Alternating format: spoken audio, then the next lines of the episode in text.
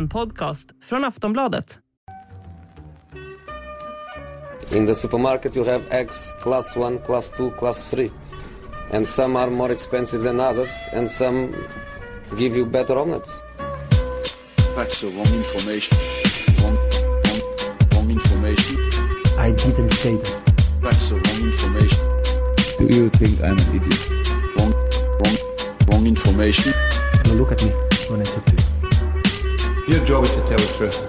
That's the wrong information. Wrong, wrong information. That's the wrong information Makoto. Eh, samma information som Real Madrid fick ut, utav Kylian Mbappé under det senaste halvåret. Det var fel. Han skulle inte komma. halvåret, senaste typ två, tre åren, en hel barndom, en hel, ett helt liv, nej.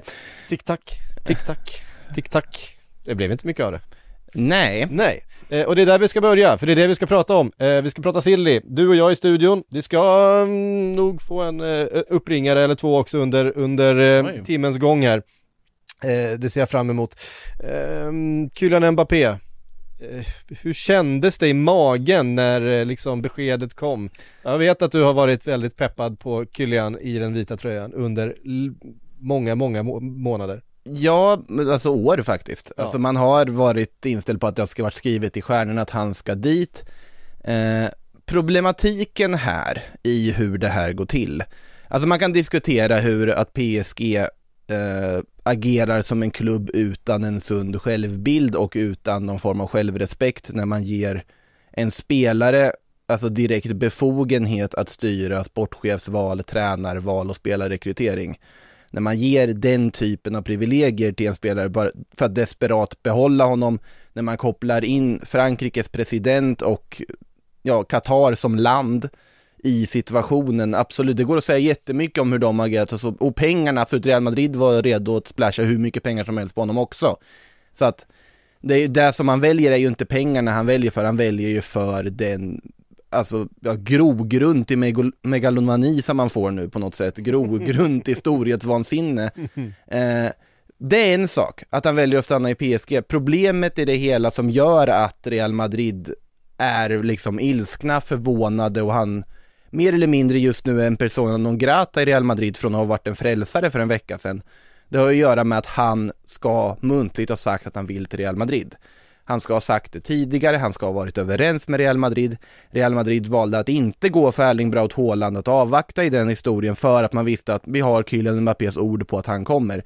Sen är det förvånansvärt att den ordförande Florentino Perez, den affärsmannen, inte bara går på Kylian Mbappés ord.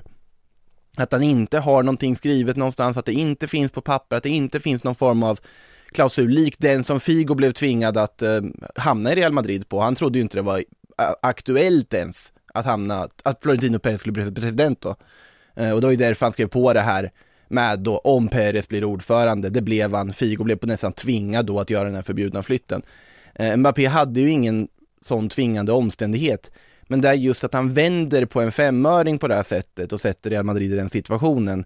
Och nu då två gånger tackat nej till klubben som ska vara hans barndomsdröm. Första gången 2017 när han sände jag är inte redo, jag vill fortfarande spela för Paris. Andra gången nu när han fortfarande känner att han är en parisare och inte färdig med där han ska i PSG. Men om han inte känner sig färdig, säg det direkt. Skriv liksom, bli inte överens med två klubbar samtidigt. Och gå inte ut därefter och säga att ja, man är tacksam för att Real Madrid har gett mig möjligheten och eh, håller på dem i Champions League-finalen. Jag tror att Mbappé själv menar väl i grunden, men jag tror inte han förstått vilken effekt det här kommer få. Att jag tror inte att han kommer vara aktuell för Madrid igen. Jag tror inte att de, kom, de kommer inte glömma det, inte så länge Perez är ordförande i alla fall. Nej, och det är ju en eh, helt sanslös investering PSG gör i Kylian Mm. Mbappé här, för att det, så viktig var han, eh, uppenbarligen för eh, deras, deras eh, Qatar-ledda projekt.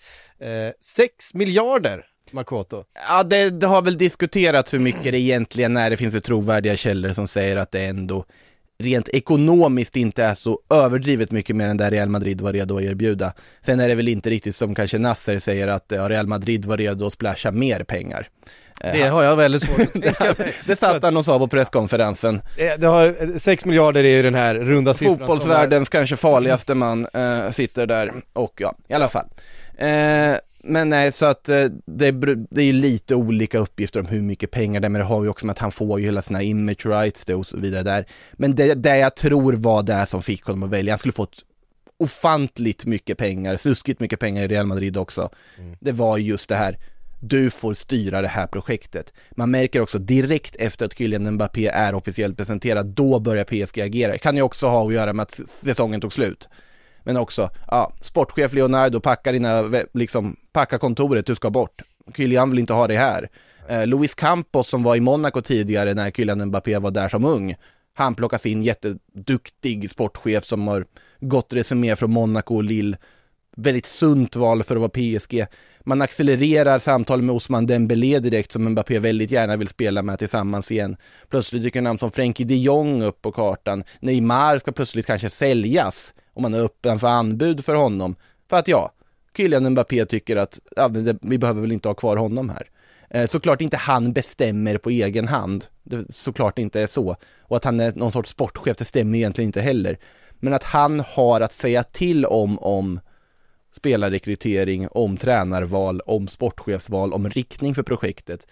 Det är ju bara total desperation och det är någonting som en, en stor klubb med värderingar, en stor klubb med en historia aldrig kan konkurrera med för de skulle aldrig göra något sånt.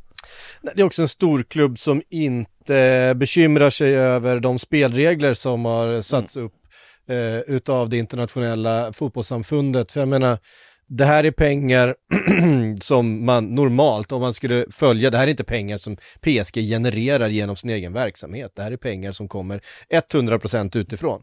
Ehm, och så har vi bestämt att vi inte ska eh, sköta och styra fotbollen, men det spelar ingen roll därför att Nasser sitter på alla stolar. Han sitter i Uefa, han, sitter, han äger laget, han sitter på tv-rättigheterna, han sitter på sponsorerna. Eh, det går att fixa och trixa och göra precis vad man vill om man har placerat sig på alla stolar. Eh, vilket de är helt bekväma med att göra. Ehm, det, det finns så otroligt mycket eh, i deras eh, ägarskap av PSG som inte limmar med det som vi vill ha i fotbollen och det som vi har sagt vi ska motverka, det som Uefa har sagt, det som Fifa har sagt att vi ska mot, motverka. Men vad Uefa och Fifa säger spelar ju väldigt lite roll eftersom de, de säger ju saker bara för att säga saker. De är så, eh, ja, korrupta. Eh, och de, de, är, de är så fallerade organisationer eh, att det spelar liksom inte så stor roll. Eh, Så är det du säger att man kanske ska starta Super League möjligtvis? Fan, bring on Super League. alltså, Nu kör vi. Jag vet inte. Nej, men det, är, det, är bara, det är bara jävla sorgligt allting. Man blir så trött. Vet du, man får 10 000 Seamus Coleman för, för pengarna Vad- man lägger på Mbappé. vad hade man- 10 000! Seamus, vad hade du valt? 10 000 Seamus Coleman eller en Kylian Mbappé? Vad hade gett mest PR-intäkter tror du? Vad hade man kunnat göra med 10 000 Seamus Vad hade man Coleman? kunnat göra med, med 10 000 Seamus Coleman? Det, det är en bra fråga. Mycket kul säkert. Ja. Eh, Nej men alltså grunden är på något sätt, alltså om han bara hade bestämt sig tidigt, ja men jag förlänger med PSG, jag är inte klar, då hade nog Real Madrid väntat. Då hade, de kan mycket väl ändå komma tillbaka 2025 när eh, liksom tiden har läkt såren. Eh, för att han är en så pass bra fotbollsspelare, han är så pass ung och så vidare. Men sättet det här går till på, liksom leken, sådär katt och råtta-leken som det blev av det, dragkampen, och att det ser ut som att Real Madrid har använt som ett redskap och står med byxorna nere. Real Madrid accepterar inte att behandlas på det sättet. De har allt för uppumpad självbild för det. Så ja, det, jag tror att han inte själv förstår hur, alltså hur illa det här har tagits emot. Det är känslan i alla fall. Mm. Och eh, det här får ju såklart, det kommer få, få en massa ringar på vattnet. För att eh, normalt sett är det stora övergångar som, som får det. Vi kommer ihåg Neymar och så vidare, de här eh, miljardvärvningarna, så, så blir det liksom ripple effects. Nu stannar ju Mbappé kvar, men jag tror att det kommer få större effekt på den här Ja. transfermarknaden än eh, det hade fått om han hade gått till Real Madrid, om jag ska vara riktigt ärlig. Ja, för nu har Real Madrid plötsligt inte lagt en miljard i sign-on bonus på Kylian Mbappé. De har inte signat upp en extremt stor del av sin lönebudget på killen Mbappé. De har massa pengar fritt. De har inte lyckats värva Erling Braut Haaland. De har vissa behov, nu sägs det ju att det de har accelererat först här är att vär, försöka värva Chouameni. Och där är ju det roliga att vilka vill också ha Chouameni? PSG. och är liksom sagt att ja, men han är vår prioritet. Och Real Madrid säger också han är vår prioritet. Och Chouameni är muntligt överens med Real Madrid så att vi får se. Så Chouameni är PSG antagligen, antagligen här senare i Och sommar. vi vet att Liverpool har varit där. Och det är roligt att, och, och, det, och det, det är också roligt att Klopp då gick ut och sa att ja, vi, vi var i samtal med Mbappé för inte så länge Ja, sedan. och Mbappé har ju medgivit att Liverpool var ett alternativ, han hade samtal med dem, för att det var hans mammas favoritlag. Jag vet inte riktigt varför, sa han, men det är det. men, Eh, ja, men det, det, ja, det, det är otroligt märkligt, sen ska vi väl vara rätt klara med att Liverpool inte, inte riktigt var, var, in, var, var ett eh, alternativ rent eh, ekonomiskt. Eh, ja, fast de hade nog kunnat betala en ganska bra sign-on, sett till att det är ju en investering som är smart för dem också. Absolut, de hade kunnat betala rätt mycket men ingen kan betala så mycket som, som PSG för att eh, alla andra klubbar går under om man beter sig på det sättet. Så Mbappé till Liverpool 2025 då? Nej, eh, jag tror fortfarande att det är en, en, en, ehm, eh, en övergång som är för stor, för dyr och för ekonomiskt ehm, eh, förlåt, ehm, Eh, oförsvarbar för att Liverpool skulle göra det. de har, de har ju inte PSG-pengar. De, de, eh, även om de säkert hade, hade eh, fuskat med alla regler som de kunde, det håller jag inte, det är inte så att jag, jag håller Liverpool som någon slags moral, jo det gör jag. Mot, mot PSGs ägare så håller jag dem som moraliskt eh, eh, bättre. Eh, på många sätt, men när det kommer till eh, att eh, fixa och trixa med liksom, fotbollsregler så, så hade de ju säkert också gjort det, men Ja. de har ju liksom inte pengarna. Men det, det- är inte så att de har inte en stat som, som finns bakom och bara kan skyffla in.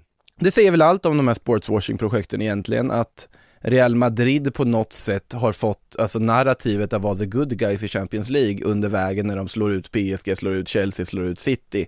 Eh, och Real Madrid är en klubb som historiskt sett är mest, eh, liksom mest kompatibel och klassas som imperiet i Star Wars. Alltså, Ja, ja, det ja, men riktiga det- bad det- guys ja, alla... det, ja, men Real Madrid är ju imperiet Ja, ja, det, det, ju är Darth är. Vader, det, Ja. det är det som, det som är Real Madrid. Florentino Perez har ju liksom varit fotbollens Darth Vader. Darth Dar- Vader. Darth Sidious, liksom den högst, högsta hönset. Ja, och, ja. Kejsaren. Kejsaren, ja precis. Eh, du, du, du slänger dig med Star Wars-namn från filmer jag inte har sett. Eh, Du, vi måste hålla oss till de tre första. måste, Eh. kejsaren ja, det var han jag menade. Ja, precis, The Emperor. Eh, skitsamma, vi, eh, eh, ja men det, som sagt, nu måste Real Madrid agera för att något ska ju in. De har ju ett eh, Mbappé-format hål att fylla på något sätt. Fast har de det? Nej, kanske Alltså, det, inte det, egentligen, men, men vi vet ju också hur Florentino Perez fungerar. Han gillar sina Galacticos, han vill väldigt, och, han, och någonting, det finns ju en, det finns ju en position till höger om Benzema som, som går att förbättra. Ja. Det, det är vi väl överens om. Där hade Mbappé klivit in. Eh, och då Ja. är frågan, det pratas såklart då om Mohamed Salah, eh, som är en av världens liksom, mest framstående spelare på exakt samma position. Sadio Mané, vi vet, alltså det är två spelare som har utgående kontrakt nästa sommar. Eh, det finns nog utrymme. Många verkar tro att en av dem kanske kommer säljas i sommar. Det har pratats om PSG och det var ju det många trodde att eh, Salah eller Mané var den som skulle då ersätta Ma- eh, eh, Mbappé kanske i, i PSG. Eh, det kändes liksom inte ologiskt alls. Eh, och då, min känsla hela tiden varit att det har varit Mané som har legat närmast att lämna i sommar. Jag tror att den här förhandlingen med Salah har varit mycket, mycket mer offentlig. Det har pratats mycket mer om, om den här eh, kontraktsförlängningen. Det har pratats väldigt lite om Manés kontraktsförlängning. Han sitter dessutom på en mycket lägre lön än vad Salah gör, så att det borde vara en kontraktsförhandling som eh, det pratas mer om. Eh, För han vill definitivt ha högre lön. men han är också mycket mer inställd på att kunna tänka sig flytta. Salah har ju varit otroligt tydlig i alla intervjuer, jag vill helst stanna i Liverpool, men han vill ha sin monsterlön. Ja. Och Sadio Mané har ju varit det. ganska tyst om alltihopa och där har det börjat alltså smusslas med lite rykten nu. Alltså Bayern München verkar ju vara seriöst. Ja. Eh, De, de är intresserade, de ser honom som en prioritet. Och det är ju också en ripple effekt från det, för att eh, Bayern München har ju satt ett krav på till Lewandowski vi ska ha in två ersättare, varav en av dem är antagligen Sadio Mané. Annars kommer inte Lewandowski säljas. Det är ju också ett namn som har kopplats till Real Madrid, men det känner jag bara är helt icke-kompatibelt med vad de egentligen borde värva. Grejen med Kylian Mbappé är att han är 23 år gammal. Det var han som skulle bära det här laget i decennier framöver. Han skulle komma in i samma ålder som Cristiano Ronaldo gjorde en gång i tiden när han värvades för det som då var rekordsummor. Som hade ju, ja den karriären han hade i Madrid-tröjan. Du, du värvar inte 30-åringar plötsligt. Titta, de har ju också gått bet när de har gjort det. Titta på Eden Hazard.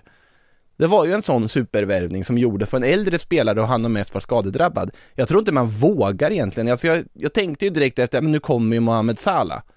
Men jag vet inte om Real Madrid vågar göra de stora investeringarna på de spelarna nu offensivt, för det är ju föryngring de behöver. Ja, och det var, det var det första vi sa när vi började Ja. skriva till varandra efter eh, Nu, nu, är det Salah-dags. Ja precis, för det var det första du skrev, nu, nu, nu går vi efter Salah istället. Ja. Så, ja men då får ni betala en miljard för en spelare som är 30 år gammal med ett år kvar på kontraktet, för det är vad Liverpool kommer kräva. Och det har Real Madrid gjort för för Eden Hazard. Ja det har Real Madrid gjort för. Ehm, och sen köper Liverpool istället Jared Bowen för ja, ja, 700 miljoner kanske, Mm. Eh, går 30 miljoner plus och får in en, en eh, 25-åring istället. För det är så Liverpool fungerar. Ja. Man älskar att köpa de här 24-25-åringarna som har, är liksom på den Mm. platsen på kurvan att de precis ska ta det där nästa steget och bli eh, en världsspelare eventuellt. Eh, där jag absolut kan, kan eh, placera Jared Bowen nu efter den här säsongen han har haft.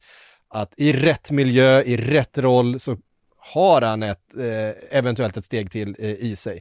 Det hade varit en otrolig, vi och vi vet att eh, Liverpool har varit där och, och försökt värva honom under förra sommaren. Det, det är ju här problemet dyker upp för Real Madrid, att när man lyckas sällan med att värva äldre etablerade offensiva stjärnor, alltså de som värvar sin äldre ålder brukar inte lyckas i Real Madrid överlag. Och de de har värvat, alltså offensiven just nu, Benzema värvades ju i jätteung ålder och har byggt sin legacy och byggt sin karriär i Real Madrid. Vinicius värvades utan att någon visste vem han var och trodde han var en FM-region i princip, som värvades för 45 miljoner euro. Eh, och har varit växt till det han är idag. Rodrigo har börjat växa rejält också på högerkanten. Asensio har växt i Real Madrid under de här åren. Inte kanske kvaliteten för att starta i, sett till vad Real Madrid kräver. Och då är frågan, vad finns det ens på marknaden som kan gå in som är spännande? Det var ju Mbappé, det var Haaland. Ja, nu pratat om Rafa Leao. Eh, jag tycker jättemycket om Rafa Leao. Men problemet är att han är exakt samma speltyp som Vinicius, han är bäst i vänsterkanten, han är bäst han får massa ytor att springa på. Han Vinicius kan du inte peta liksom. Vinicius punkt kvar, det finns inte. Benzema kvar till kontraktslut åtminstone, s- kanske längre. Eh, Rodrigo går det att argumentera för ska starta då till höger istället. Ja. Men det är som sagt, då måste det vara rätt. Jag vet inte om det är rätt att splasha ut massa pengar på Darwin Nunez. Är han Real Madrid-material? Det vet jag inte. Han känns inte heller som att han ska spela till höger i en front trea på det där sättet. Nej, Jag hade hellre sett honom som, eh, ja men som nia i en, en, en 4-2-3-1 kanske. Alltså Salah är ju spontant det bästa alternativet, men Salah är 30 år gammal och skulle kosta en miljard. Mm. Och då är frågan, när är det värt för Real Madrid att gå på den, det här spåret? Real Madrid kliver in och köper Jared Bowen. Ja, då, då... Ja, det, är ju, det, det hade ju varit, det, det hade ju inte varit en, en, en dålig värvning tror jag. Ja, jo, det hade potentiellt varit en jättedålig värvning för jag, jag tror att Jared Bowen inte hade haft den utvecklingen i Real Madrid, han är ju inte alls redo för det. Eh, det är ju liksom en, en eh, så annorlunda miljö och man pratar inte språk och så vidare. Hugh Min-Son. Jung Min Son är en jävla shout och jag tror att eh, Men jag att- tror alltså- det, kostar för mycket och han vill ju inte flytta heller. Nej, men det är en jävla spelare Jag alltså. såg till och med en shout om Osman Dembélé faktiskt. Ja fast det är ju rätt spel typ. Ja, det är det ju, men, spel, typ. men det går ju inte. Neymar är ju aktuell och liksom flytta på sig. Ja, det var det jag tänkte, alltså när det kom ut här att eh, PSG öppnar för att eventuellt sälja Neymar, då börjar man ju direkt leta, vem? Ja, okej, eh, han har rätt hög lön. Eh, han, har, han har väldigt hög lön. Okej, så då, han kommer inte gå till ett lag som inte spelar Champions League. Eh, han kommer inte gå till ett lag som inte kan betala lika hög lön som han har i PSG. Eh, Ja men då, okej, Bayern München kommer nog inte kunna betala hans lön, eh, Liverpool kommer inte kunna betala hans lön, jag tror inte att det är, det liksom, eh, ligger inte i, i eh, projektets liksom eh, plan. Eh, Manchester City kommer inte ta in honom, de har redan eh, lagt en väldigt hög lön på Haaland. Eh, ja, svårt de har ju att se också- Guardiola stoppa in stoppa in, ja det är klart att skulle både så här Riyad Mahrez och Raheem Sterling säljas nu i sommar, man plockar in Neymar, men vad fan. jag tror inte- Neymar, Haaland och sen typ Foden eller Grealish på andra kanten. Det är ju inte dumt alltså. Ja, det är också jävligt märkligt. Det, alltså, ja, sen, sen är inte, det är inte liksom i, vi ska komma ihåg, Neymar är 30. Ja, precis. Neymar är 30, det är också, det är precis samma sak som att försöka köpa Salah fast dyrare.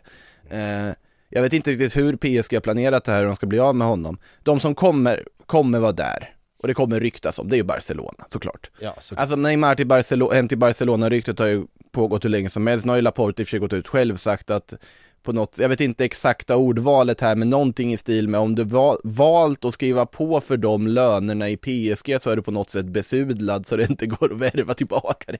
Något i den stilen sa han liksom. Han gick, slängde ju en känga till PSG där också. Eh, nej, jag vet inte vart, jag vet inte vad Chelsea får för sig. Eh, de ska väl ha något nytt där också, gissar jag på. Det är väl inte helt otänkt på, alltså jag vet inte vad Neymar, Pauli har för Neymar idéer. till Chelsea känns det är liksom en... Det känns, jag vet inte, eh, Tuchel och, Neymar efter deras eh, liksom... Hej igen. Ja, precis. Kom, de kom väl inte så jävla bra överens där på slutet va? Men vart ska han då? Alltså Nej, här, jag tror inte att han kan gå någonstans. Alltså så här, Newcastle kan säkert betala lönen, men han kommer inte gå till Newcastle utan eh, liksom Europaspel eller någonting. Han är ju beredd att gå till en, eh, till en, till PSG en gång i tiden liksom. Ehm, men, PSG slogs ju om titlar då också. Ja, precis. Newcastle är ju tre, fyra år ehm, Bort, ja. bort innan de eh, kommer att ha värvat sig och köpt sig eh, den typen av Eddie, framgång. Eddie Howe får Neymar att jobba med. också en. Ja, det är eh, otroligt Nej men, märkligt. nej men vad är det? Det är Barca, jag kan, Madrid tveksamt, de har ju velat ha Neymar tidigare så det finns väl någon sån aspekt, men det känns också lite så här PR-mässigt känslan, okej, man fick inte spela man ville ha, så vi får ta den som PSG vill bli av med. Jag tror inte Real Madrid vill infinna sig i att hamna i den där facket. Eh, det är ju det som pågår just nu, är ju en total maktkamp. PSG vill ju bli Real Madrid. De vill ha staten som Real Madrid, de vill vara klubben som alla vill till, som har alla stjärnor, det som Real Madrid var i början av 2000-talet. Problemet för PSG är att de vinner inte titlar. Eller de vinner inte Champions League-titeln. De har inte Nej, gjort och en... de spelar inte, de spelar inte i en liga som har eh, den statusen, där du får den uppmärksamheten. Eh, du vet, du har inte, du har inte 200 miljoner tv-tittare när Paris möter eh, Marseille, även om det är årets största, eh, största match i den ligan. Eh, du, har, du har inte ens en tiondel av det. Eh, Medan du har det om du spelar i England, du har det om du spelar i, i Real Madrid eh, och möter Barcelona. Ja, fast i övrigt är det också som gör att La Liga skickar det här ja, desperata och underliga brevet, öppna brevet där efter att PSG har säkert Mbappé där de anklagar PSG för allt möjligt och vill han ska utredas och hej och hå. Eh, det är ju för att La Liga själv... Utred på ni, ni kommer hitta Ja, hur mycket ja, som ja, helst alltså- inget kommer hända. Ja, ja, La Liga är ju bara desperata för de fattar också vad viktigt det har varit för dem som liga att få ett affischnamn. För man har tappat Ronaldo, man har tappat Messi, vem ska du promota saker med? Benzema?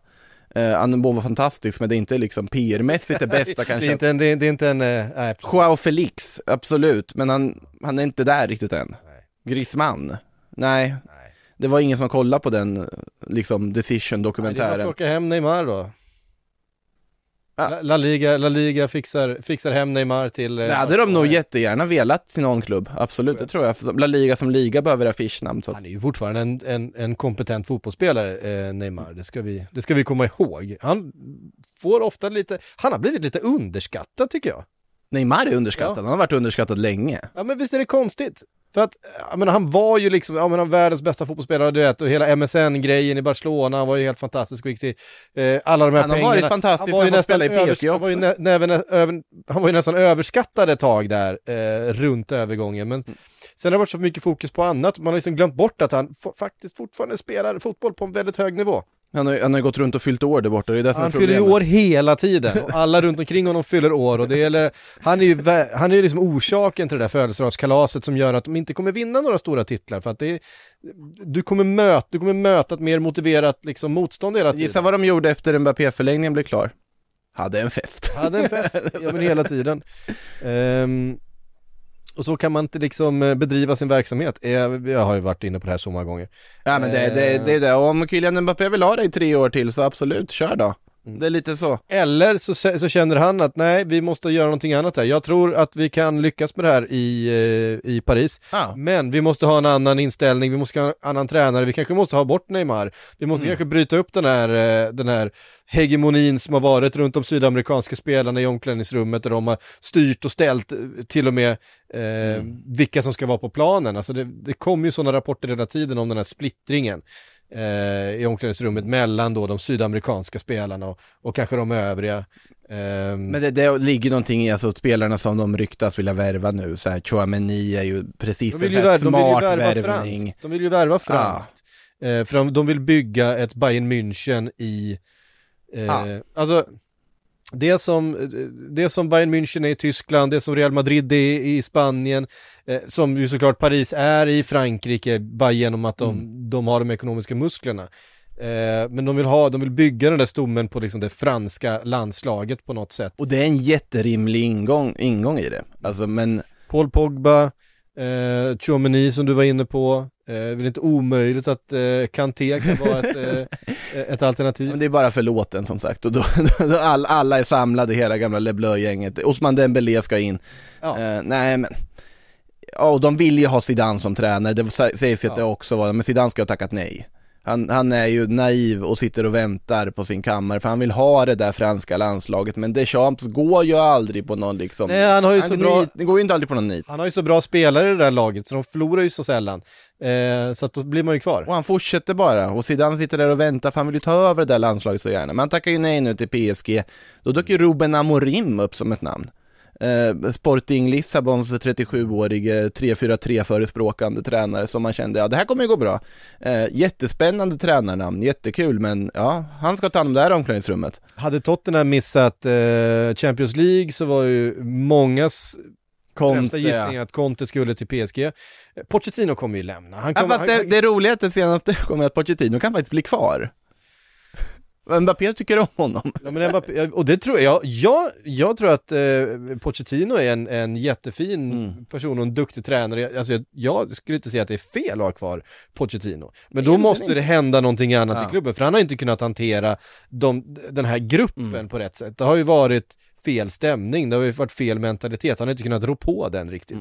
Mm. Ehm, och spelare som han har värvat in, som han har velat ha, ta, till exempel Wijnaldum som kom in som eh, har ju liksom inte fått någon, något Mm. utrymme överhuvudtaget. Um, Sergio Ramos Sergio Ramos, eh, väl kanske mest berott på ja, hög ålder och sliten kropp. Han har fyllt år också. Ja, han har fyllt jävligt mycket han har år. fyllt mycket år kan man säga. Ja, det är sant. Ja, herregud. Alltså det, han, men det fattar man ju, han valde ju PSG bara av PR själv. Han var ju nästan, han sa väl inte öppet, men det är så uppenbart att han gjorde det.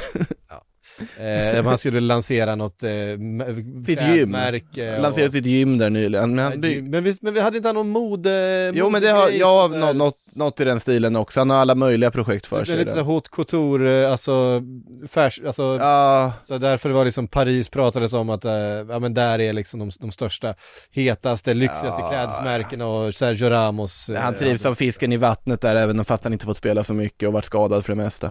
Ja vi får... Det eh, unnar jag honom ändå, Sergio. påpekar här i, i YouTube-chatten att Frankrike gjorde ett katastroffiasko i EM senast.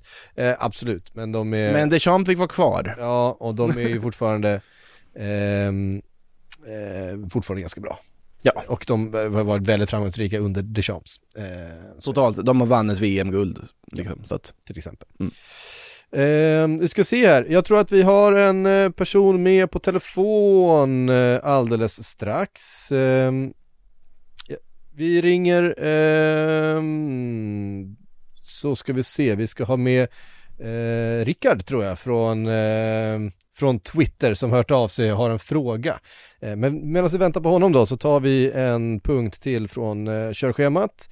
Ehm, Frankie de Jong, du nämnde honom i förbifarten där att han skulle vara aktuell för PSG och de, de jagar ju verkligen efter det på det där mittfältet. De värvade förra året, de har liksom värvat i stort sett varenda fönster, nya mittfältare, men ingen som riktigt har Ehm, Okej, men vi tar det sen, för nu har vi, nu Ah. har vi eh, på tråden. Hallå, vem pratar jag med?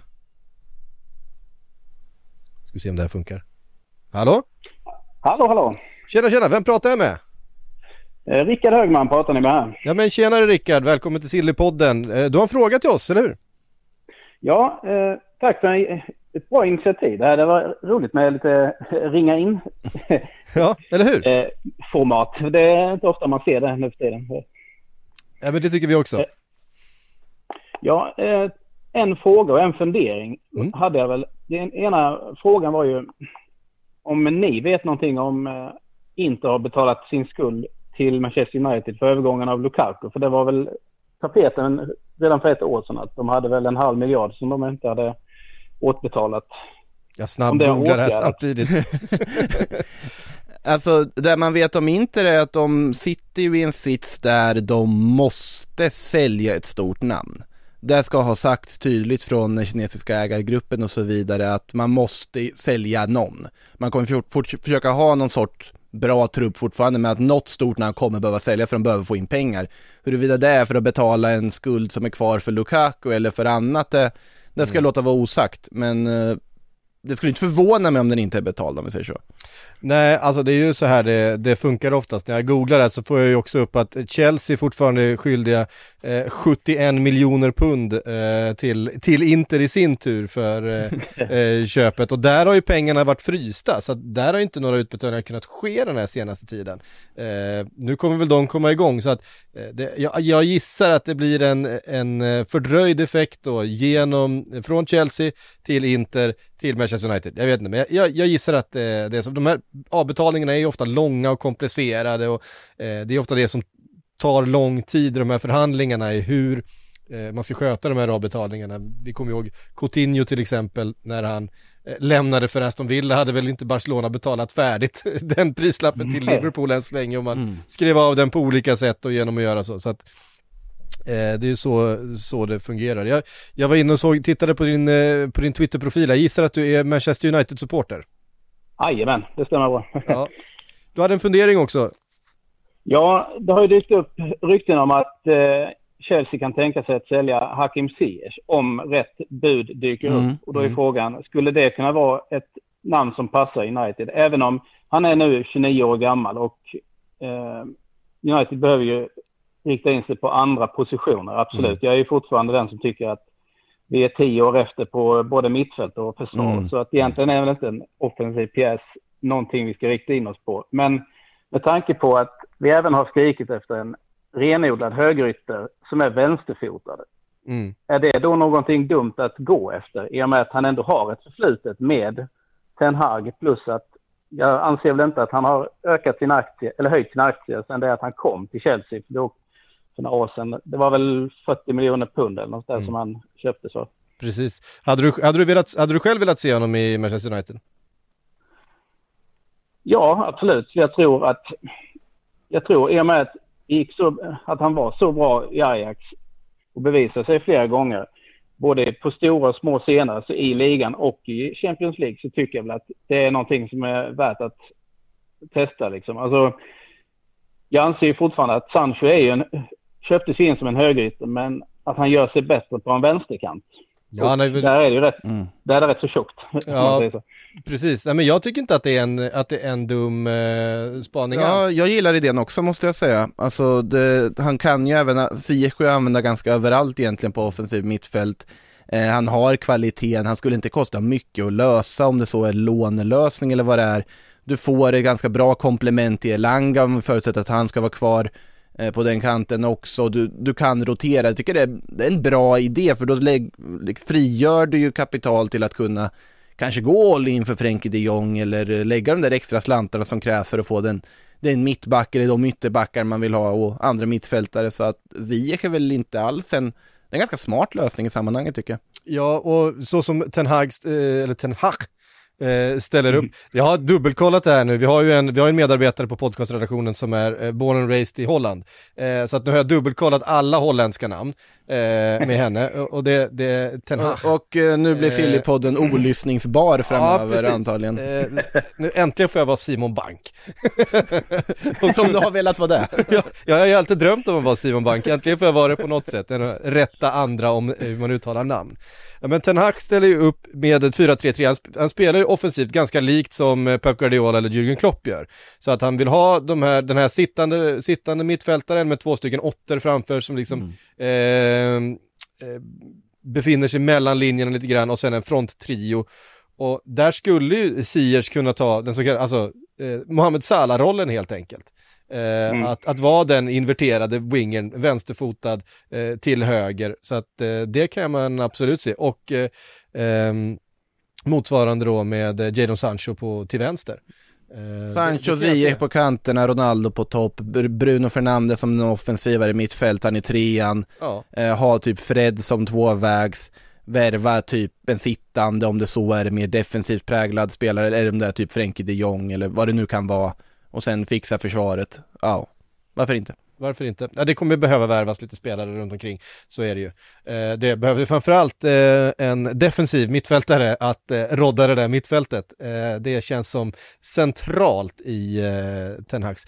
Tusen tack Rickard för att du, visst var det Rickard? Nu, Jajamän, det stämmer. Tusen tack Rickard för att du ringde in. Det var en bra, eh, bra spaning och intressant eh, punkt. Vi kommer komma in mer på Manchester United eh, under sändningen här. Tusen tack för att du ringde. Ja, tack så mycket. Tack för svaren. Inga problem. Ready to pop the question? The jewelers at BlueNile.com have got sparkle down to a science with beautiful lab grown diamonds worthy of your most brilliant moments. Their lab grown diamonds are independently graded and guaranteed identical to natural diamonds, and they're ready to ship to your door. Go to BlueNile.com and use promo code LISTEN to get $50 off your purchase of $500 or more. That's code LISTEN at BlueNile.com for $50 off. BlueNile.com code LISTEN. Eh, vi kan väl fortsätta eh, hänga lite då, för vi var inne där på Frenkie de Jong eh, Mm. och att PSG nu börjar titta på honom. Eh, Ten Hag ska ju, ska ju terrorisera honom fullständigt, sägs det. det. Det är inte bara det att Manchester United hör av sig, det är Ten Hag själv som hör av sig till Frenkie och försöker tjata honom till Manchester United just nu. Hej Frenkie, vad gör du? Bara, Nej Erik, jag vill inte till Manchester. Ja men kom igen, det blir kul. Förlåt, vem, v- vem är det? Eh, det? Det är så dålig täckning här, förlåt Erik. Ten... Ja. nej, nej, nej, nu får vi ge oss. Eh, nej, men det, det roliga här är att Laporte gick ut nu och sa att, ja men han, för vi har fått många anbud på honom, men alltså han hade ju helst sett honom stanna i Barcelona. Ja okej, men det är ju ni som försöker sälja honom för att ni har liksom ont om pengar. Ja, det är ni som har satt honom i Ja, för skyltfönstret. Fren- Frenkie de Jong vill ju inte lämna, han vill ju stanna i Barcelona. Han, han är ju jättefrustrerad. Han bara, var kommer alla rykten ifrån? Jag vill ingenstans sluta. Eh, och, men om man ska någonstans vill han ju spela Champions League. Och det kan ju inte Manchester United erbjuda. Och då blir det ju svårt, som sagt, med tanke på att Manchester City också är på något sätt involverade här och skulle kunna ha nytta av en sån värvning. Eh, PSG såklart, och då sägs det ju i fransk media att Frenkie de Jong skulle uppskatta möjligheten att spela med Kylian Mbappé i PSG. Eh, Det kan man ju förstå. Så att eh, de klubbarna borde vara aktuella då också. City tror jag kan vara aktuellt bara på att få jobba med Pep. Det känns som att Pep och Frenkie känns ju spontant som skulle kunna funka ganska bra tillsammans. Eh, så att om man nu flyttar på sig så tror jag United kan få det svårt. Men samtidigt, man ska inte underskatta också vikten av att verkligen få en viktig roll av att vara en tydlig ledstjärna, att Plus komma han, in till... plus att han känner tränaren. Ja, han- han känner vetat andra i laget, han spelar med Donny igen, alltså det kanske blir jättebra. Eh, Men Eventuellt spela med Donny igen, vi får väl se vad som händer där. Donny blir nog kvar i truppen, det också. tror jag. Det, det är jättekonstigt om han inte blir det. Eh, nej men alltså, där tror jag också att han, även om han inte är en defensiv mittfältare och en bollvinnare, tror jag att bara att han kommer in och på något sätt ger ett lugn på mittfältet, det skulle kunna lyfta en spelare som McTominay, det lyfter en spelare som Fred. Jag ser ju fortfarande de två som, de är ju ofta hackkycklingar på det United-mittfältet, men jag tycker det är två bra fotbollsspelare som absolut skulle kunna vara nyttiga i den rollen i en startelva. Men de behöver bara rätt material runt sig. De behöver spelare som sätter tempot, som lugnar ner, som Frenkie de Jong kan göra. Så att eh, jag tycker det är Uniteds drömvärvning om de kan få igenom den. Eh, ja, alltså verkligen. Men det behövs ju, eh, det behövs ju förstärkningar på... Och jag förstår varför Barcelona kan tänka sig sälja honom. För det är han du kan få pengar för och du har bra mittfältare. Så att, Mm. Och, men han vill spela Champions League. Några som, vill, några som ska spela Champions League nästa säsong, det är Tottenham. Mm. Eh, Och eh, den eh, lilla detaljen har ju gett ett rejält klirr i kassan, för nu kan man budgetera för nästa säsong på ett helt annat sätt än vad man hade kunnat göra annars. Det pratas om 150 miljoner pund. Fast det är ju genom något annat till och med som de har tills, tillsatt och flyttat runt lite som Jo, har liksom men absolut, pushats men- in rakt in på transfersummor också. Jag tror ändå att den siffran hade varit lägre om de inte hade haft är det ju. eh, Champions. Mm. League, för att det garanterar ju en, en, eh, en rejäl peng in nästa säsong, vilket gör att man kan eh, Mm. budgetera på ett annat sätt. Eh, 150 miljoner pund är mycket pengar. Eh, och så som eh, dels vinterfönstret levererade, nu eh, eh, Cristiano Romero eh, ska... Köpas loss, men det var väl mer eller mindre obligatoriskt sett till hur liksom den klausulen var utformad, men den är ju jätterimlig. De har en utköpsklausul på Kulusevski eh, där han eh, inte blir så dyr egentligen. Det är väl en eh, 40 miljoner. Men de, det sägs ju nu att de inte kommer aktivera den i sommar. Det tror jag vad jag vill på. Jag, Äh, Fabrizio Romano, eh, på att han kommer vara kvar på lån, men Alltså han kommer permanent köpas loss, om det så är genom att den aktiveras, att det blir en obligation automatiskt, eller det är bara på pappret. ja, ja. Men att det här är på pappret, det säger det är också på grund av att de har kvar inte CL. För nu verkar de vilja satsa, om de kan lägga den Kulusevski-kostnaden, även om den blir lite högre längre fram i tiden, så har de råd med det. De flyttar den summan till ett annat fönster, till ett annat bokföringsdatum och de kan frigöra kapital för att verkligen satsa på att värva saker den här sommaren och behålla Antonio Conte. Han skulle vilja ha nya spelare som Antonio Conte alltid vill ha och det ska ju vara sex nya spelare man siktar på att värva. Ehm, vi får väl se hur många som kommer från Serie A. ja, jag. de flesta gissar vi väl på. Det pratas här om eh, eh, Bastoni och Perisic från Inter till exempel. Åh, vad bra det, Det- hade varit. Oh. Hörde, du- hörde du? Det var alltså Babylona som drog en djup suck någonstans. Ehm, Men då kan det vara det. Och det, det var när vi, eh, eh, ja, Skicka dem till Tottenham. Eh, skickar vi dem till Tottenham så är Inter lite illa ute skulle jag säga, eh, för det är viktiga spelare. Ja, jag tycker ju om Bastoni också, det är en otroligt spännande back eh, och han skulle passa jättebra i det här Spurs trebackslinjen. Perisic är ju är ju- tillgänglig på fri transfer för han har ju ett utgående kontrakt. Det pratas om att Inter vill ju förlänga, Juventus är ute efter att kanske värva honom. Tottenham hade han passat perfekt. Perisic är klass. Ja, Fan, men i den, i den vänsterrollen också. Ja, ja visst. Oh, vad bra lösning. Conte hade vetat precis vad han skulle göra med Perisic. Han hade ju, han hade ju varit grym. Fy fan vilket, eh, vilket lag han håller på att eh, sätta ihop här. För att vi vet att, Mm. alltså, vi vet ju att Kane är ganska bra. Vi vet att Son är ganska bra. Det är liksom, eh, och det har ju varit det som har varit ganska bra i Tottenham. Men nu börjar det ju liksom, nu börjar det bli ett lag runt om där. Och att i en förbättrad miljö och ett ännu bättre lag så kommer ju de här spelarna såklart bli ännu bättre. Mm.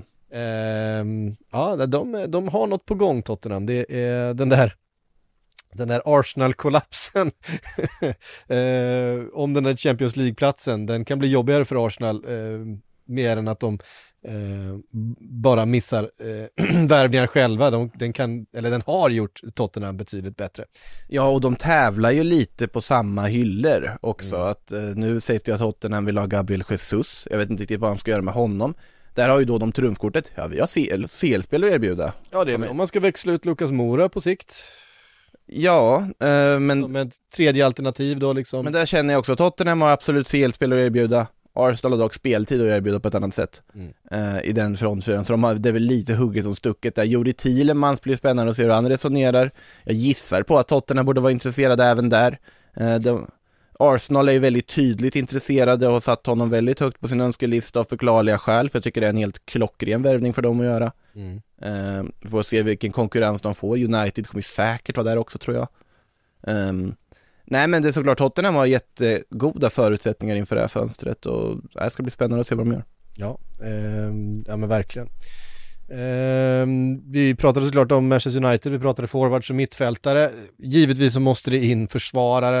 Eh, jag vet vad du såg, Manchester Evening, eh, vad heter det, Manchester Evening News, deras eh, spelarbetyg för säsongen. Det var inga höga betyg. Aj! Det var inga höga betyg för backlinjen kan jag säga. Jag tror att eh, Van Bissaka fick en två av tio för sin säsong. Eh, Harry Maguire fick också en tvåa. Vigge kom undan med en trea. Bra. Eh, sådär. Rafael Varane Varann tre. fick en femma faktiskt. Eh, Jaha. Men det, jag vet inte, det kändes som lite så här, fortfarande lite smekmånad för att han, eh, Också varit skadad halva säsongen. ja, eh, men har också sett lite mer stabil ut kanske än de andra två, jag vet inte. Diogo Dalot, Ja, måste väl lägga till. Di-. Diogo Dalot har ju sina förtjänster som fotbollsspelare offensivt. Jag tycker han är underskattad överlag. Men Alltså, jag- def- defensivt så, så står han ju för så, och sover för ofta. Det är ju Ja. så, han, han är inte positionssäker i, i defensiv. Men, men han är inte, eh, alltså så som Van Bissaka har spelat fotboll den här säsongen vet man ju inte vilken, alltså vart han ska ta vägen. Nej, alltså det, det är så underligt hur, hur det snett det har gått där och han ska ju sälja, de vill bli av med honom, han ingår inte i Ten Hags planer. Eh, vi får se vad, om de kan få honom såld riktigt, det är ju det som är frågan.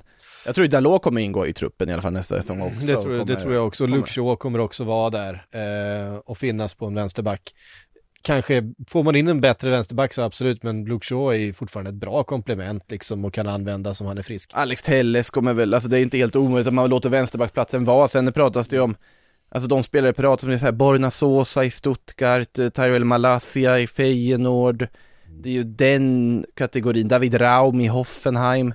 Ehm, alltså det är ju inga garantier för att de ska vara så mycket bättre än Luke Shaw och Alex Telles. Nej, det är Eh, det är det som är lite faran i det här med att man ska byta ut allting och så jag, men han har varit spännande, vad är garantin för att det här kommer bli bättre?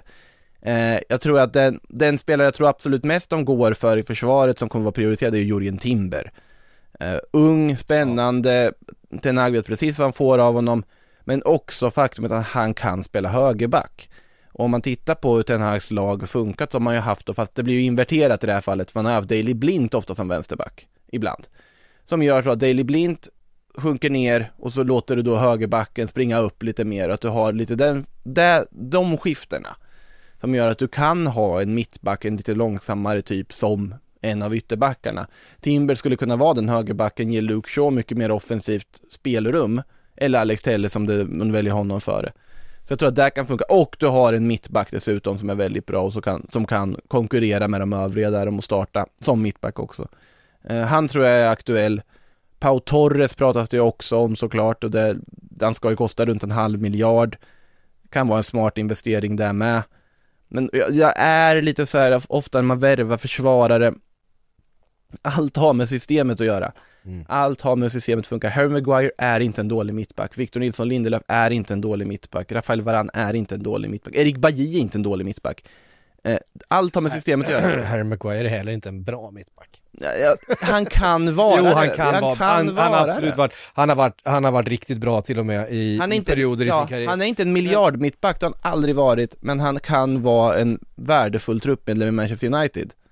Om han Gud, får ja. rätt system runt sig och rätt täckning Men- på mittfältet och allt vad det har. Jag är inte säker på att Harry Maguire är en mittback för Manchester United, för de kommer aldrig spela den fotbollen som, som premierar hans styrkor. Eh, det, är Mm. det, som, det är det som jag tror är det stora problemet. Han, han behöver en, annan miljö, behöver en annan roll och den, den rollen tror jag aldrig han kommer ha i Manchester United. Han kommer behöva spela så mycket mer proaktivt, han kommer eh, behöva andra egenskaper än den, han- den han besitt, de han besitter. Eh, speciellt om Ten Hag ska spela en 4-3-3 med hög backlinje, liknande så som Pep eller Klopp gör. Då går det ju inte att spela med, med Harry Maguire så långsam som han är liksom. Om man har en väldigt, väldigt snabb mittback bredvid, men Varann. Eh, och det är ju varann, men, men eh, ja, jag vet inte. Det, han, är, han är inte tillräckligt eh, boll, bollsäker och bollskicklig och placeringssäker och eh, han är väldigt duktig fysiskt, han är väldigt duktig i luftrummet, han är väldigt duktig att vinna, vinna dueller och, och, och när, när han inte har för mycket press på sig och han är rättvänd så är han ju ganska duktig med bollen också, eh, Maguire. Han har ju en passningsfot. Men han har ju inte det tempot i passningsfoten. Han har inte det tempot eh, som jag tror krävs eh, faktiskt. Men eh, vi får se. Vigge samma sak. Vigge har ju en fantastisk passningsfot på de lite längre bollarna. Jag har ju sett honom slå eh, riktiga mackor den här säsongen. Eh, på fötterna på, på Ronaldo eller på Bruno Fernandes Mm. eller ja, Marcus Rashford också för den delen. Han verkar vilja stanna. Marcus Rashford. Mm, det sägs att han vill stanna och kämpa för sin plats här under eh, Ten Hag och se vad det. Han är ju en Manchester United-spelare. Han, han, han, han gillar den här klubben. Det är klart att han har haft en fan, fruktansvärt jobbig Mm. säsong. Han har haft, alla har haft det jobbigt i Manchester United. Det har varit otroligt dålig stämning. Eh, Ralf Rangnick var ju helt fel person att ta sig an det här. Eh, Du menar eh, Lokomotiv-Lars? Det var ju han som styrde klubben egentligen, fick vi höra. Lokomotiv Lars. Ja. Skuggtränaren. Ja. Eh, Johan Lindström skriver på YouTube här, inväntar bara, Mustafi är ingen dålig mittback. Nej, Ja, jag- jag Makoto vidhåller det. rider ut till försvar för... Ja, jag, jag vidhåller det fortfarande, jag har sagt det många gånger, Mustafi är ingen Jo, nu har han har inte varit någon höjdare på sista tiden, jag vet knappt hur mycket han har spelat i, vart är han är nu, Levante va? Jag för mig. Eh, jag har tappat, jag har tappat Mustafi. De åkte ur, ska sägas. Eh, nej, alltså jag vet inte vad jag någonsin sett Mustafi göra en bra match. Eh, om jag ska vara Som sagt, Valencia-åren, jag kommer aldrig glömma de där Valencia-åren. Alltså då, då, då var han bra.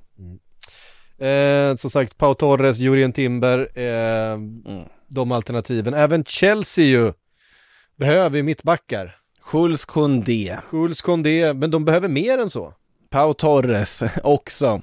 Eh, Jules Koundé, vad är det, 80 miljoner euro i utköpsklausul. Jag tror inte att de har lust att förhandla med Monchi igen efter hur det gick senast. Sägs ju att så fort allt är klart med övertagandet, som nu ska vara klart, de har ju fått godkännande av Premier League, att då Todd Bowleys eh, konsortium där ska få köpa klubben. Och då ska de ju direkt börja ta hand om truppen och då är det första de gör antagligen att skicka 80 miljoner euro då i eh, portföljer som man, så, som man brukar göra med de där utköpsklausulerna man går till La Liga-kontoret eller vad det nu är för något. Eh, för att värva loss Jules Koundé från Sevilla, det är min gissning. De kommer ju försöka buda lite först, får vi se vad Sevilla säger, lite så. Men sen slutar det väl med en utköpsklausul. Eh, ja, det gör väl det. Eh, Eller mindre, om Monchis ändå ser behovet av det. Vi tar en fråga från eh, David på, eh, på Twitter eh, som handlar just om Chelsea och, Mm. och eh, mittbackarna. Eh, Marino och styrelsen i Chelsea sägs ju ofta vara bra på att sy ihop försäljningar och köp på marknaden, vilket de ju är. Eh, Men nu när Christensen och Rydiger lämnar gratis och Koundé, Koulibaly, Guardiol ryktas Jag in Guardiol också, ja. Mm. Ryktas in som eh, ersättare. Är det då inte på sin plats att ifrågasätta försäljningarna av Guehi och Tomori? Gjort succé i sina nya lag och hade absolut kunnat fylla ut det tomrum som blivit i truppen. Men det, det är ju en del av hela affärsidén här att du ska sälja vidare dem. De, de finns där för att säljas vidare. Men det är klart att eh, de har gjort succé, eh, Tomori, ingick han nu i, i Gary Southgates eh, trupp eller inte? Det är jag ganska säker på att han kommer Han gjorde det, Jag jag, har för mig att han kommer om jag inte minns helt fel. jag såg att Jared Bowen var med nu i alla fall. Jag Jag tror- såg att eh, Southgate pratade om Jared Bowen, men Tomori måste väl för fan ha varit med nu. Ja, det är jag ganska säker på att han var. det är ju, eh, det är ju om man- brist på kvalitet i den backen. Nej men han har ju varit fantastisk i Milan, eh, på alla sätt och vis. Men det där är också, det ligger något i det där du säger Syk, att alltså Ja, Chelsea sålde Kevin De Bruyne en gång i tiden. Chelsea sålde Mohamed Salah en gång i tiden. Chelsea sålde Lukaku en gång i tiden och fick tillbaka honom och sålde honom igen och fick det, ja, i alla fall. Eh, det hör, ligger i hur de jobbar att såklart det är lätt med facit i hand och säga, ja men Gué har varit strålande, varför sålde de honom? Ja, det, det går absolut, det är jättelätt att säga det så här med facit i hand. Hade de här spelarna fått sin utveckling, hade Tomori fått den utveckling han har fått i Milan och varit kvar i Chelsea? Nej, antagligen inte. Eh, och det är lätt att sitta där i efterhand, sen är det inte otänkbart att Tomori kommer tillbaks till Chelsea i framtiden. Men det, det är det här systemet de har och såklart att vissa gånger så kommer du sälja spelare som gör succé på andra ställen. Jag tycker så att det, det är inräknat, det finns ju där och då så kan det vara mycket, helt rätt beslut. Sen kan det visa sig med två år tillbaka, eller två år framåt i tiden, nej det var inte rätt beslut. Men Chelsea är redo att ta de fel besluten. De måste ta de fel besluten, annars kommer de aldrig sälja någonting och då annars har de inga pengar att värva för heller. Nej, eh, nej det, de bygger ju liksom sin, sin, sin verksamhet på, på de här försäljningarna eh, såklart, som alla Mm. gör. Alla bygger sin, sin transferverksamhet på att det också säljs spelare. Jo, jo, det, Utom kanske PSG. Ehm, eh, mm, Bayern München, officiellt, eh, Mazraoui, säger man så? Mazraoui, ja. Mazraoui. Eh, eh, Gravenberg lär följa om inget oförutsett inträffar, står det i körschemat som du har skrivit. Ja, de har ju pratat om både Ryan Gravenberg och eh, Madraoui från Ajax till Bayern München. Madraoui är ju presenterad som sagt. Presenterades väl om inte, var det idag eller igår? Det är jag inte helt säker på faktiskt i, här, när jag sitter här. Kan ha varit igår tror jag. Eh, Gravenberg sägs ju också vara på väg in. Där har vi en spelare i och för sig som United borde titta på också, så att de skulle kunna ge sig in i sista sekund. Men eh, han verkar ju gå till Bayern München och det är en supervärvning, en ung spännande mittfältare som eh, kommer göra dem bättre. Ja. Ehm, ja, Bayern München, vi... vi Madraoui en högerback ska sägas för er som inte vet det, också marockansk, eh, offensivt skicklig och eh, högerback behöver de i Bayern München så det är en perfekt värvning där också. Klart är också att eh, Boubacar Kamara eh, går till Aston Villa. Som, eh, de fortsätter satsa alltså. Fan vad de, eh, fan vad de kör. Det är ju roligt med Boubacar Kamara för att det var ju väldigt mycket uppgifter om att han var klar för Atletico Madrid först. Eh, sen sägs det då att enligt spansk media då så ska, eh, eller någon spansk journalist, så ska då Kamara ändå ha varit i Madrid för att hälsa på, för att kolla läget där och få liksom någon bild av klubben. Och ska gå in då sportchefens, eh, liksom möta av sportchefen. Och då kommer sportchefen ut liksom shorts, barfota med en t-shirt i princip, liksom ungefär som att han nyss har vaknat. Hälsar honom välkommen. Eh, han har massa polare över i huset också, det var inga konstigheter. Alltså otroligt slappt och underligt. Och sen så hade då sportchefen fått intrycket, nej, Bobacar Kamara är inte Cholo Simeone material, det här kommer inte att hålla. Eh, jag vet inte hur det, det verkar ha varit ett riktigt uselt möte i alla fall. uselt första intryck från alla parter. Ja det låter ju verkligen Alltså så. det, det är riktigt konstigt och det, nej men det här vart inget bra. Så hade Gerard ringt och det, det lät mycket roligare och det, det projektet lockade honom då.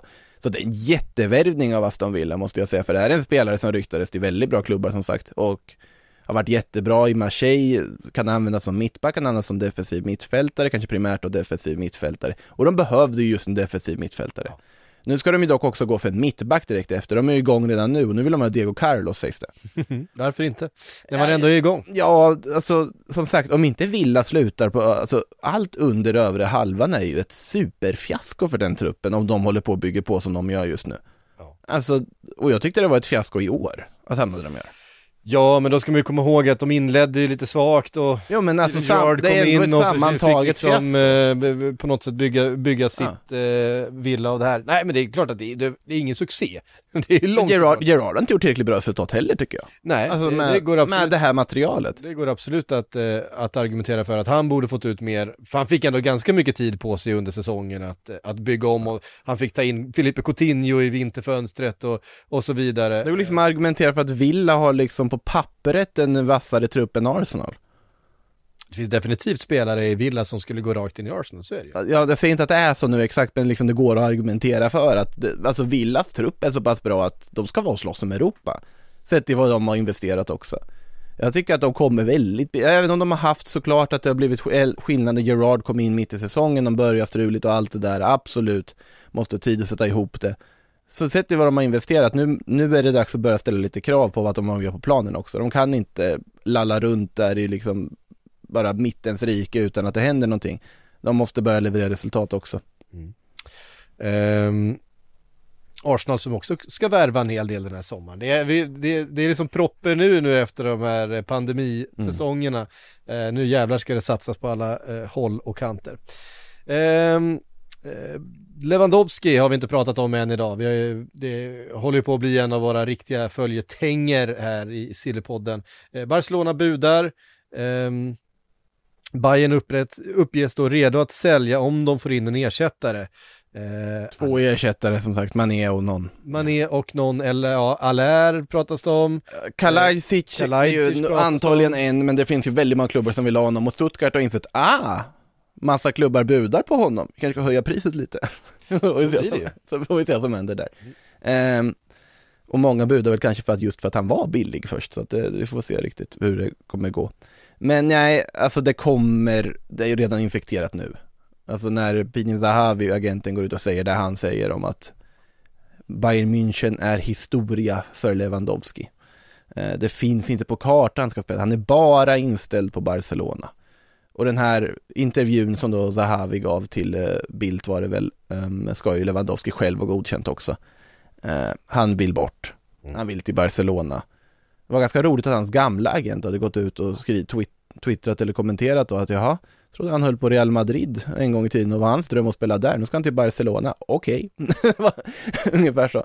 Eh, jag vet inte riktigt vad, vad som händer där, men Bayern Det München är allas dröm att spela överallt och varje gång Ja, det ja, ja. en transfer så är det drömmen och så vidare. Så är det. Eh, nej, men ehm, vad skulle jag säga? Jo, Att Bayern München har ju satt sig i den här dumma sitsen själv. Kevin pratade om det förra veckan också där om att de, varför har de inte öppnat de här samtalen tidigare? Varför sätter de sig i den här sitsen? Arrogans kallas det. Ja men de, det här är ju sån arrogans som Bayern München inte, de visar inte sån arrogans. Som de, det här är sån arrogans som de hade råd med en gång i tiden. Men som jag inte tror att man har råd med längre. Nej.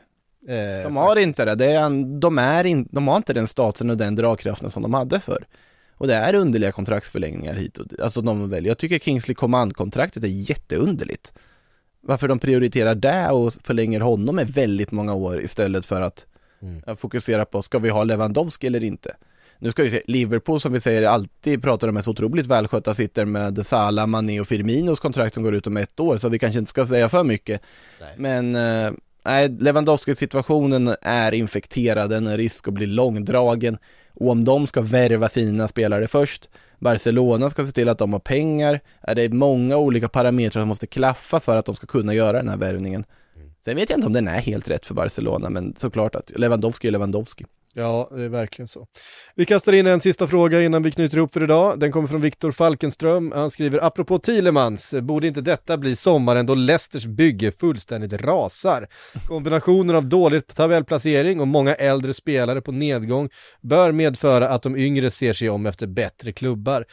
Alltså jag kan nog också se Leicester och deras, eh, ska man säga, perioden de har haft de här senaste säsongerna när de har utmanat och varit snubblande nära den där fjärdeplatsen två gånger om eh, att den är över och de står inför ett, eh, ett ombygge som kommer bli dyrt, som kommer ta lång tid och eh, eh, kommer vara smärtsamt för eh, Leicester. Det finns ju pengar i klubben och så vidare, det finns ju, finns ju resurser att, eh, att röra sig med men eh, eh bärande spelare, som sagt Kasper Schmeichel, 35 år gammal, eh, han har väl inte så många säsonger kvar kanske. De tittar redan nu på en ny målvakt. De tittar på och ny målvakt. honom med. Eh, Ja- Jamie Vardy, så har vi redan under den här säsongen sett att han inte, inte är den gamla Vardy längre. Men de har ju också redan, där har de ju redan Ianacho på plats, de har värvat Patson Daka som är sparkapital där också, när han kommer igång och är helt acklimatiserat i PL så kommer han göra succé. Jag håller inte med, jag tror inte att de kommer bara rasa ihop fullkomligt.